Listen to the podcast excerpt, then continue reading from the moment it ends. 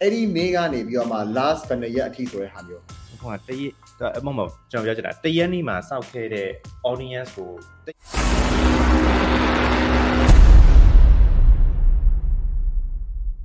โอเคကိုထူးဟန်ကမေးထားတာက look like audience ဆက်ပတ်သက်ပြီးတော့မေးမေးချင်လို့ပါတဲ့အာဥပမာ3ရက်နေ့ကနေစပြီးတော့ကိုယ့်ရဲ့ page ကို engagement လုပ်တဲ့ audience တွေကတရက်နေ့မှာစောက်ခဲ့တဲ့ look like audience ဆိုအဲ့ဒီကဖြစ်တာလားတဲ့ဒါမှမဟုတ် 3ရက်နေ့နောက်ပိုင်း look like တက်တက်လိုချင်ရင်ပြန်ဆောက်ရတာလားဗျာတဲ့ဟုတ်ပြီအာ yes အာပြန်ဆောက်မှာပေါ့နော်ဘာလို့လဲဆိုတော့ကျွန်တော်တို့ဒီတရက်နေ့တုန်းကစောက်ခဲ့တဲ့အချိန်မှာအဲ့နေ့ကျွန်တော်အဲ့နေ့မှာစောက်ခဲ့တဲ့လူတွေအထိပဲပါအောင်ပါဘူးတော်တော်တော့ auto update မဖြစ်ဘူးအဲ့တော့ဖြစ်တယ်ဟမ်3မဟုတ်ဘူး3ရက်နေ့ဒီလိုပါနောက်ပိုင်းကိုလိုချင်တာမလားဒီလိုပါ တိတလောက်ကဒါဒါတစ်ချက်တော့တက်ဖက်ကြအောင်နော်။ဒါပေမဲ့တိတလောက်ကသူကအရင် last previous panel yes ဆိုတဲ့ဟာမျိုးထည့်ရတယ်။ဟုတ်ကဲ့။ right မှာ last 90 days စာ last 30 days စာသူကအများဆုံး365 days ပေးတယ်။တနေ့စာတိပေးတယ်။ဆိုတော့အဲ့ဒီ mail ကနေပြီးတော့မှ last panel ရက်အထိဆိုတဲ့ဟာမျိုးဟိုကတရက်မဟုတ်မဟုတ်ကျွန်တော်ပြောချင်တာတရက်နေ့မှာစောက်ခဲ့တဲ့ audience ကိုတရက်နေ့မှာစောက်ခဲ့တဲ့ audience ထဲမှာတော့၃ရက်နေ့က audience ကမပါဘူးလေ။ဟုတ်ကဲ့ ဟုတ်တယ်လေဆိုတော့ဒီမှာကွာအာအမ3ရက်နေ့ကနေပြီးတော့မှ engage လုပ်တဲ့ audience တွေကတရက်နေ့မှာစောက်ခဲ့တဲ့ local like audience ပဲအဲ့ဒီဖြစ်သွားတာဆိုတော့ဒီလိုမျိုးမြင်တာကွာ example ပြမယ်အမ်ဥပမာတရက်နေ့မှာကိုက local like audience သွားဆောက်တယ် custom audience ဆောက်လိုက်တယ် local like audience ဆောက်တယ် local like ဒီ custom audience ဆိုမှအခြေခံတာ right အဲ့တော့ customer audience က last ဘယ်နှစ်ရက်ဆိုတဲ့ date နဲ့ပဲသွားသွားပြီးတော့သက်ဆိုင်တာအဲ့ တော့တရက်နေ့မှာဆောက်တယ်ဆိုလို့ရှိရင် last 90 days ဆိုလို့ရှိရင်လွန်ခဲ့တဲ့3လ30လွန်ခဲ့တဲ့ပထမ January တရက်နေ့မှာဆိုလို့ရှိရင်အဲ October November December အဲ့တော့ October တရက်နေ့ကနေ December 31ရက်နေ့အထိဒါ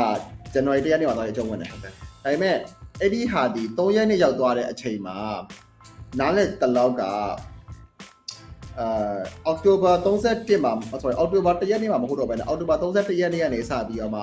ဒီ January လ3ရက်နေ့အထိကိုသူကပြန်ပြီးတော့ update လုပ်တာဟုတ်တယ်ဟုတ်တယ်ဟုတ်တယ်ဒါဒါဒါပေမဲ့ဟိုပထမတစ်ခါစောက်ထားတဲ့ audience ထဲမှာ auto တော့သွားမပေါအောင် update လုပ်ပြီးတော့တင်တယ်ဟုတ်ပြီမပါဘူးလားဟော Okay okay that, that I don't know maybe maybe you're right ဟုတ်မို့ပေါင်းနေဆိုတော့3ရက်နေ့မှာစောက်လို့ရှိရင်3 3ရက်နေ့မှာစောက်ထားတဲ့ audience မှာတော့အရှိရရက်တွေအကုန်ပါမယ်လေ ဒီကတရက်နေ့တွေရောဘာတွေရောအကုန်ပါမယ်375ပဲဖြစ်ဖြစ်375ဒီနေ့ပဲစောက်ဆောင်90ဒီနေ့ပဲစောက်ဆောင်ဒါပေမဲ့တရက်နေ့မှာစောက်ထားတဲ့ audience က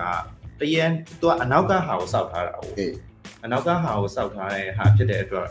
တရက်နေ့အရှိရ2ရက်နေ့တို့3ရက်နေ့တို့ကဟာမပါဘူးလေ yeah that ဟိုပါဘောနော်ဟိုဟို running calculation လောက်တာလားဥပမာကွာငါထင်တဲ့ပုံပုံစံမျိုးက အဲ example ပေါ့နော်ဥပမာ3လဆိုလို့ရှိရင်ရက်90ဆိုလို့ရှိရင်အောက်တိုဘာနိုဘာဒီဒီဇင်ဘာအောက်တိုဘာ1ရက်နေ့ကနေစင်မှာ31နေ့အထိဆိုတော့ဒီအားကြီးရှိရအဲ့တော့ share ရွှေ့သွားတဲ့အမြဒီလိုလိုရွှေ့သွားတာလားပေါ့ဟုတ်ပါလားရက်ရှိသွားတာဆိုတာကဥပမာအော်တိုဘာ1ရက်နေ့ကနေစင်မှာ31ရက်နေ့အထိဟာ1ရက်နေ့ကဆောက်ထားတဲ့ဟာဒါပေမဲ့အဲ့ဒီက